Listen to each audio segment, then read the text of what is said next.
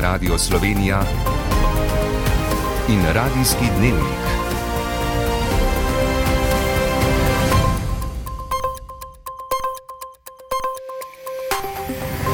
Ura je 18 in 30 minut. Lepo pozdravljeni. Pacijenti brez izbranega osebnega zdravnika naj bi še ta mesec lahko prišli do zdravstvene oskrbe v njim namenjenih ambulantah. Zdravstveni dom Ljubljana napoveduje, da bodo več ambulant za neopredeljene odprli že prihodnji teden, a se tako kot drugot po državi spopadajo s težavo, kako zagotoviti kader. Strokovna direktorica Teja Stegne Ignatovič. Tako naše zaposlene, zdravnike in sestre, kot tudi zaposlene izven zdravstvenega doma Ljubljana, kot tudi zaposlene v koncesijskih ambulantah. Vse bo odvisno od zanimanja, ki ga bodo izkazali zaposleni, več takoj po drugih povdarkih oddaje. Regulirane cene pogonskih goriv od polnoči višje. Hrvaški turizem se vrača na raven pred epidemijo. Prometna varnost se je lani pri nas precej izboljšala. Dež bo ponehal, jutri se bo oblačnost trgala. Z vami sva Eva Longika Marušič in Lučka Majcenovič. V Sloveniji je brez osebnega zdravnika že približno 132 tisoč ljudi, kar je največ doslej. Da bi vsaj nekoliko omilili razmere, se z januarjem ustanavljajo ambulante za neopredeljene. V zdravstvenih domovih po vsej državi je skupno predvidenih 94 takšnih ambulant, od tega v Ljubljani 19, kjer pričakujejo, da bodo vrata odprli predvidoma prihodnji teden. Še vedno iščejo zainteresiran kader, ki bo poleg rednih obveznosti delal še v ambulantah za bolnike brez izbranega zdravnika. Več Snežana Iljaš. Zdravstveni dom Ljubljana bo ambulante za neopredeljene bolnike predvidoma odprl prihodnji teden, je danes povedala strokovna direktorica Teja Stegne Ignatovič.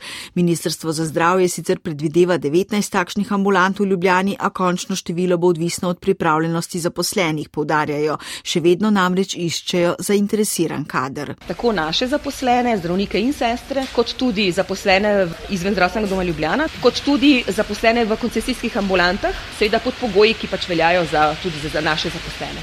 Gre za delo izvenrednega delovnega časa, ki bo plačano po podjemni pogodbi, približno 80 evrov na uro za zdravnika in 35 evrov za medicinsko sestro. Zneski so uh, relativno uh, visoki. Kakšna bo motivacija, težko odgovorim. Številni naši zdravniki uh, v bistvu so že zdaj precej preobremenjeni.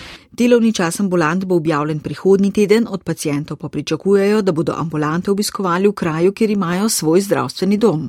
Mi bi si predvsem želeli, da v naše enote prihajajo tisti pacijenti, ki imajo že pri nas že kartoteko, ker so pri nas v bistvu že imeli na zadnji izbranega zdravnika ki jih poznajo, zdravstveno osebje, jih sestre že poznajo, so jih pač toliko let vodile tudi kot kronične bolnike uh, in bi bilo najlažje na tak način v bistvu tudi vzpostaviti eno kontinuiteto obravnave. Direktorica Zavoda za zdravstveno zavarovanje Tatjana Mlakar je do to vrstne rešitve predvsej kritična. Ker s tem dejansko znižujemo kakovost obravnave zavarovanim osebam. Ministr za zdravje sicer zatrjuje, da gre zgolj za začasno rešitev in sicer za največ tri leta, do takrat bi se število družinskih zdravnikov moralo ustrezno povečati.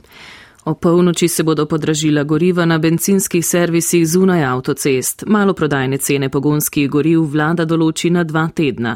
Pred nekaj dnevi je regulirala tudi cene elektrike za mikro, mala in srednje velika podjetja, kar je odpravilo zmešnjavo in slabo voljo med podjetniki, ki so decembra sklenili pogodbe o zakupu elektrike po visokih cenah. Več Maja Derčar.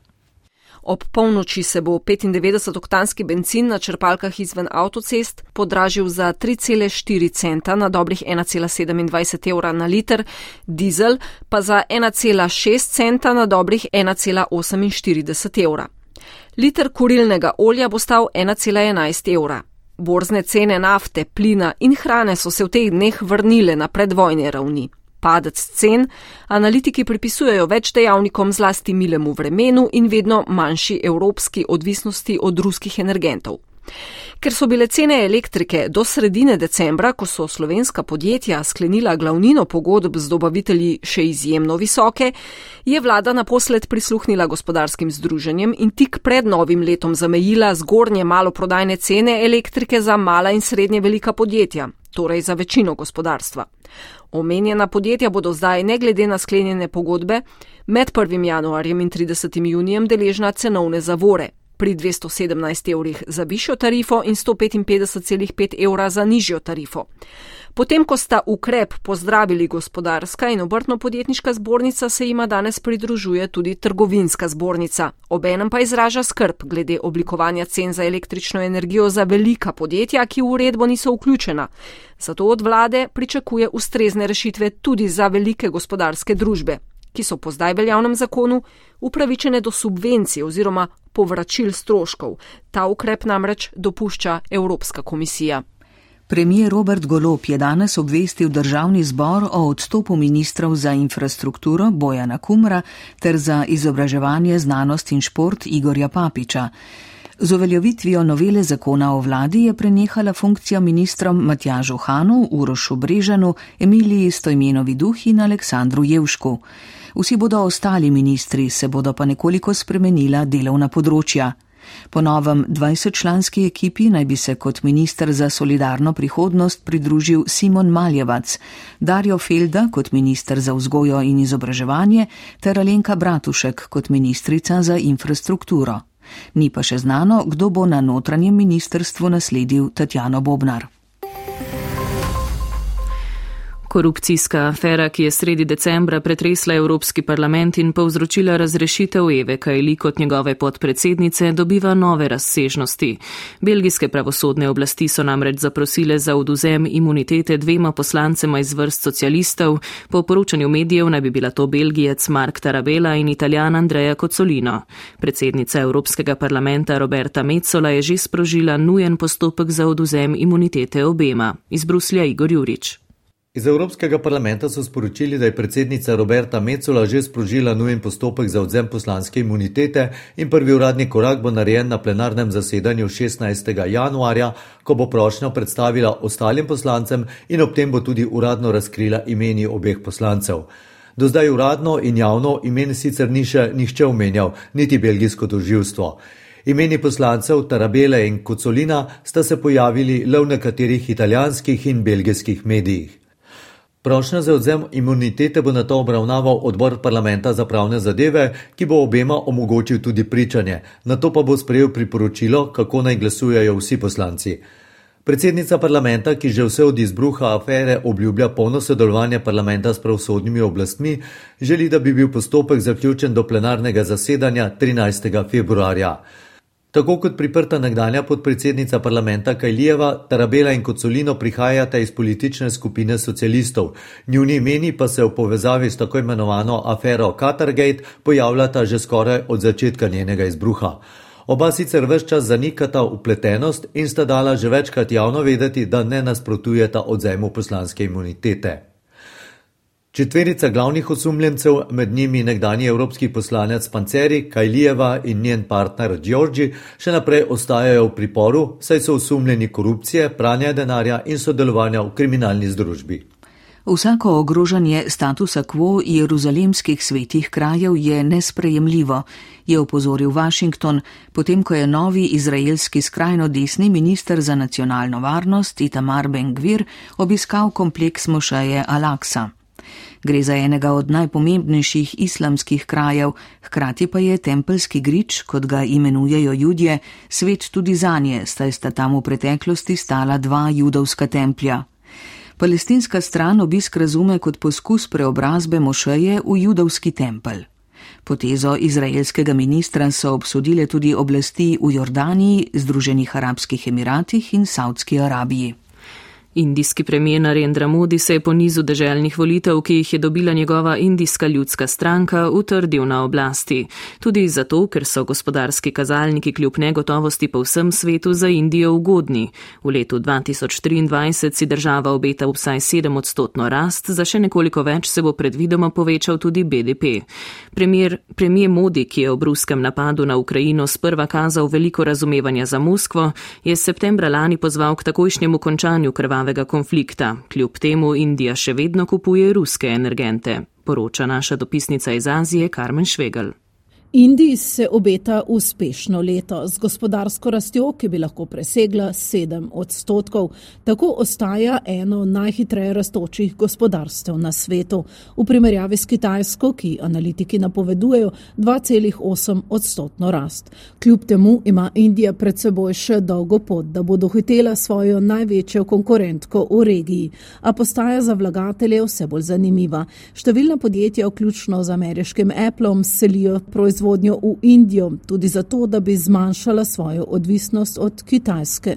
Premijer Modi, ki se hvali s pozitivnimi gospodarskimi kazalci, ki so tudi najbolj zaslužni za to, da se je utrdil na oblasti, ima še veliko dela. Korupcija ostaja problem, tujcem nenaklonjena zakonodaja, birokracija in ne nazadnje še vedno slaba infrastruktura.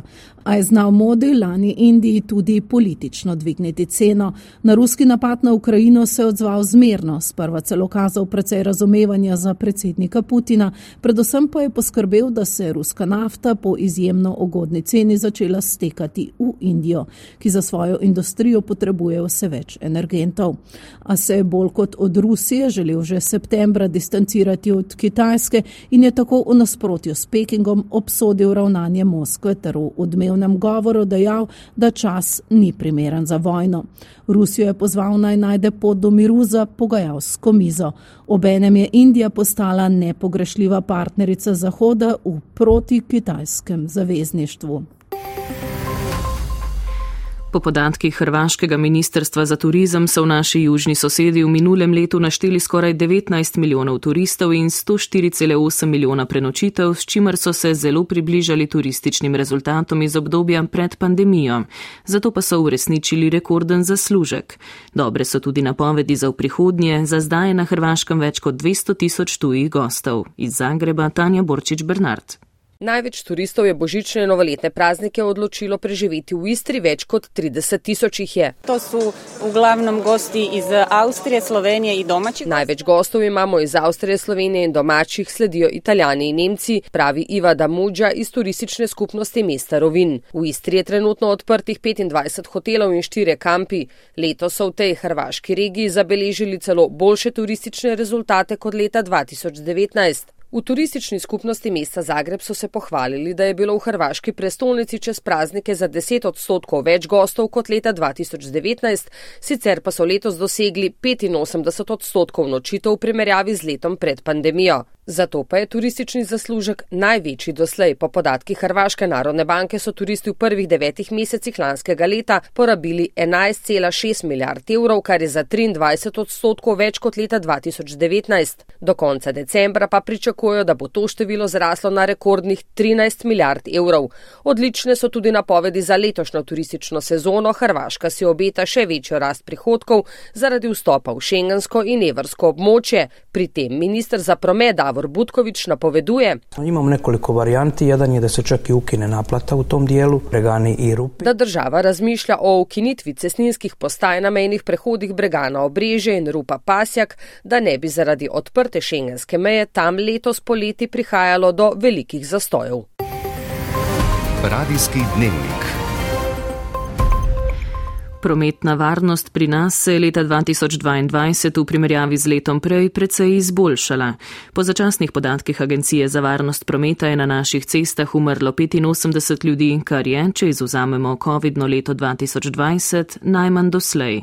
Največje izboljšanje je opaziti pri voznikih enoslednih motornih vozil, najpogostejša vzroka za nastanek prometnih nesreč s smrtnim izidom pa sta bili neprilagojena hitrost in nepravilna stran oziroma smer vožnje. V tem letu lahko pričakujemo še več preventivnih akcij in povezovanja vseh akterjev z področja prometne varnosti. Prispevek Jureta Čepina. V skoraj vseh kategorijah udeležencev v prometu smo lani zabeležili zmanjšanje števila umrlih, največje zmanjšanje za več kot polovico pri voznikih enoslednih motornih vozil. Sledijo kategorije potniki, vozniki osebnih avtomobilov in pešci, pravi Ana Marija Hren, vodja sektorja za razvoj in koordinacijo varnosti cestnega prometa na Agenciji za varnost prometa. Leto 2022 je z vidika prometne varnosti najboljše leto, če ne upoštevamo leta 2020 ki so ga v pretežnem delu leta zaznamovali ukrepi za zaezitev pandemije. Še več pozornosti bo nujno potrebno usmeriti na segmente seniorjev, kolesarjev, kar pa vključuje ekolesa in voznike električnih skirojev. Lani je bilo namreč več umrlih kolesarjev, 20 odstotkov več kot leta 2021 in voznikov eskirojev, kjer so zabeležili prvi dve smrtni žrtvi. Dolgoročnejši trend prometne varnosti je relativno ugoden, gremo v želeno smer, nas pa čaka še veliko dela, da bomo naredili nov preboj v smislu občutnejšega zmanjšanja števila smrtnih žrtev, podane generalni sekretar AMZS-ja Jure Kostanšek. Če gledamo posledice, ne, še vedno smo opazili, da nekaj ljudi ne uporablja varnostnega pasu, ne, pri teh ljudeh bi prav gotovo bile posledice blažje, ne se pravi, ali so vozniki ali so sopotniki v vozilu. Nekak trend se obrne na zgorje, predvsem pri starejših voznikih, no tukaj zdaj že opažamo praktično že pri starosti skupini 45 do 55, pa pri starejših še bolj, no se nek trend povzročiteljev najhujših nesreč kar raste, torej jih je če dalje več, no in tukaj nas čaka kar nekaj dela. Ključno bo zato nadaljne povezovanje vseh akterjev z področja prometne varnosti in delo na preventivi.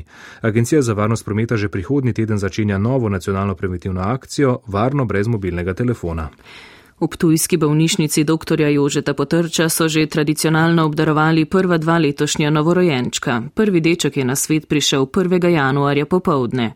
Zaradi trenutnih zdravstvenih razmer so jim darila podjetje in občine predali zaposleni v porodnišnici. V minulem letu se je na Ptuju rodilo 984 otrok, 510 deklic in 474 dečkov. To je 8 odstotkov več kot leto prej, s čimer se nadaljuje trend zadnjih petih let, ko imajo vedno več porodov. Gabriela Milošič. Na Ptuju se je 1. januarja ob 12.52 rodil deček Bilal 4140 gramov in 54 cm, pove predstojnica ginekološko-porodniškega oddelka Ptujske bolnišnice Damjana Bosil, kjer že 30 let je poskrbijo za obdaritev prvih novorojenčkov. V minulih petih letih beležijo tudi stalno rast števila rojstev. Veliko delamo na timskem delu. Poskušamo se tudi kadrovsko ukrepiti, ne glede na pomankanje, ki vse posod obstaja. In predvsem radi delamo to, kar delamo. Ponašajo se tudi z nazivom novorojencem prijazna porodnišnica, vodja ptujskih babic Dragica Trstenjak. Veliko damo na gibanje porodnic, zato mislim, da tudi eh, prihajajo porodnice, ki si to želijo, širša okolica k nam. Zaposleni in dobri pogoji za delo sta glavna razloga, zakaj je Ptujska porodnišnica pri porodnicah tako priljubljena. Strokovni direktor Teodor Pevec. Mi smo pač znani po tem, oziroma v tem primeru ginekološko-porodniški oddelek, da o težavah ne govorijo, ampak jih rešujejo. Očitno so porodnice to prepoznale in mi smo zadovoljni in veseli, ker se dela strokovno in številčno uspešno. Na Ptuju so konec leta 2021 zabeležili kar 8 odstotkov več porodov kot leto prej, 2022 pa celo 8,6 odstotno rast porodov, pri čemer se je na Ptuju lani največ otrok rodilo avgusta. Ponovimo, da bodo predvidoma v tem mesecu po državi vrata odprle ambulante za pacijente brez izbranega osebnega zdravnika v Ljubljani že prihodnji teden. Večina zdravstvenih domov po državi sicer še nima dovolj kadra, ki bi poleg rednih obveznosti delal v omenjenih ambulantah. Ministrstvo za zdravje pravi, da gre za začasno rešitev za največ tri leta, na to pa bi se moralo število družinskih zdravnikov že ustrezno povečati. O polnoči se bodo podražila pogonska goriva zunaj avtocestnega omrežja. Liter benzina bo dražji za 3,4 centa, dizelsko gorivo se bo podražilo za 1,6 centa, dražje bo tudi kurilno olje. Sledi pregled športnega dogajanja, v katerem bo z vami Tomaš Langerholz. Hvala za pozornost in nasvidenje.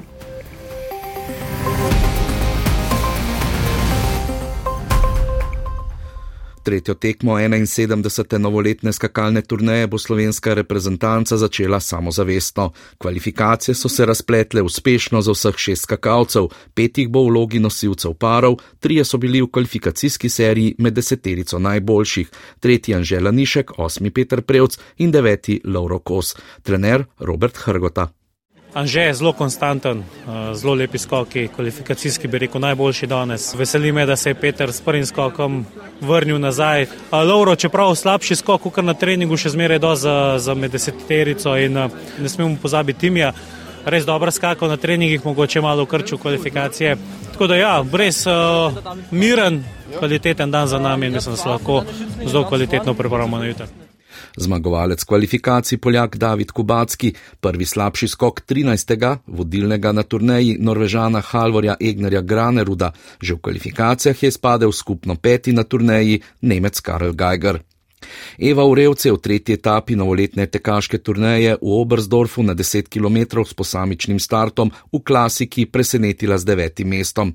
S tem je v skupnem seštevku znova pridobila 17 mest in je pred nadaljevanjem 16. Boljša na razdaljah Urevčeva še ni bila. Škoda, da na koncu nisem imela v bistvu pred sabo še ene, ki bi mi narekovala nek tempo, ker sem mogoče še sama nimam toliko izkušenj in na koncu tisti zadnji krok sem nekaj izgubila, ampak spet ne tako zelo velik. Jaz mislim, da, da lahko na tem rezultatu gradim naprej. Zmagala je švedinja Frida Karlsson, ki je tudi prevzela vodstvo v Tour de Skiju. Pri moških je še tretji dan zmagal norožan Johannes Hesflot Klebo, ki je tudi vodilni v seštevku turneje. Jutri bo na Bavarskem potrebno teči 20 km v prosti tehniki v zasledovanju.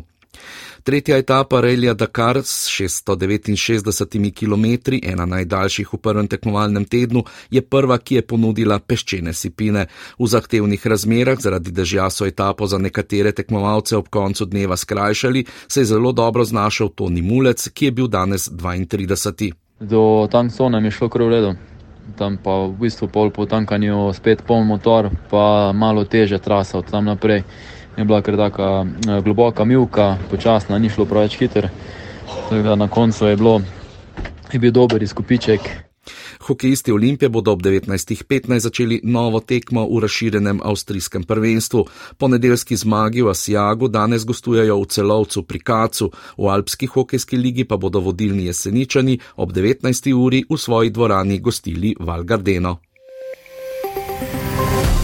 Poslušali ste radijski dnevnik, urednica Natalija Muršič, voditeljica Lučka Majcenovič, napovedovalka Eva Longika Marušič, tonski mojster Matej Žbitenc.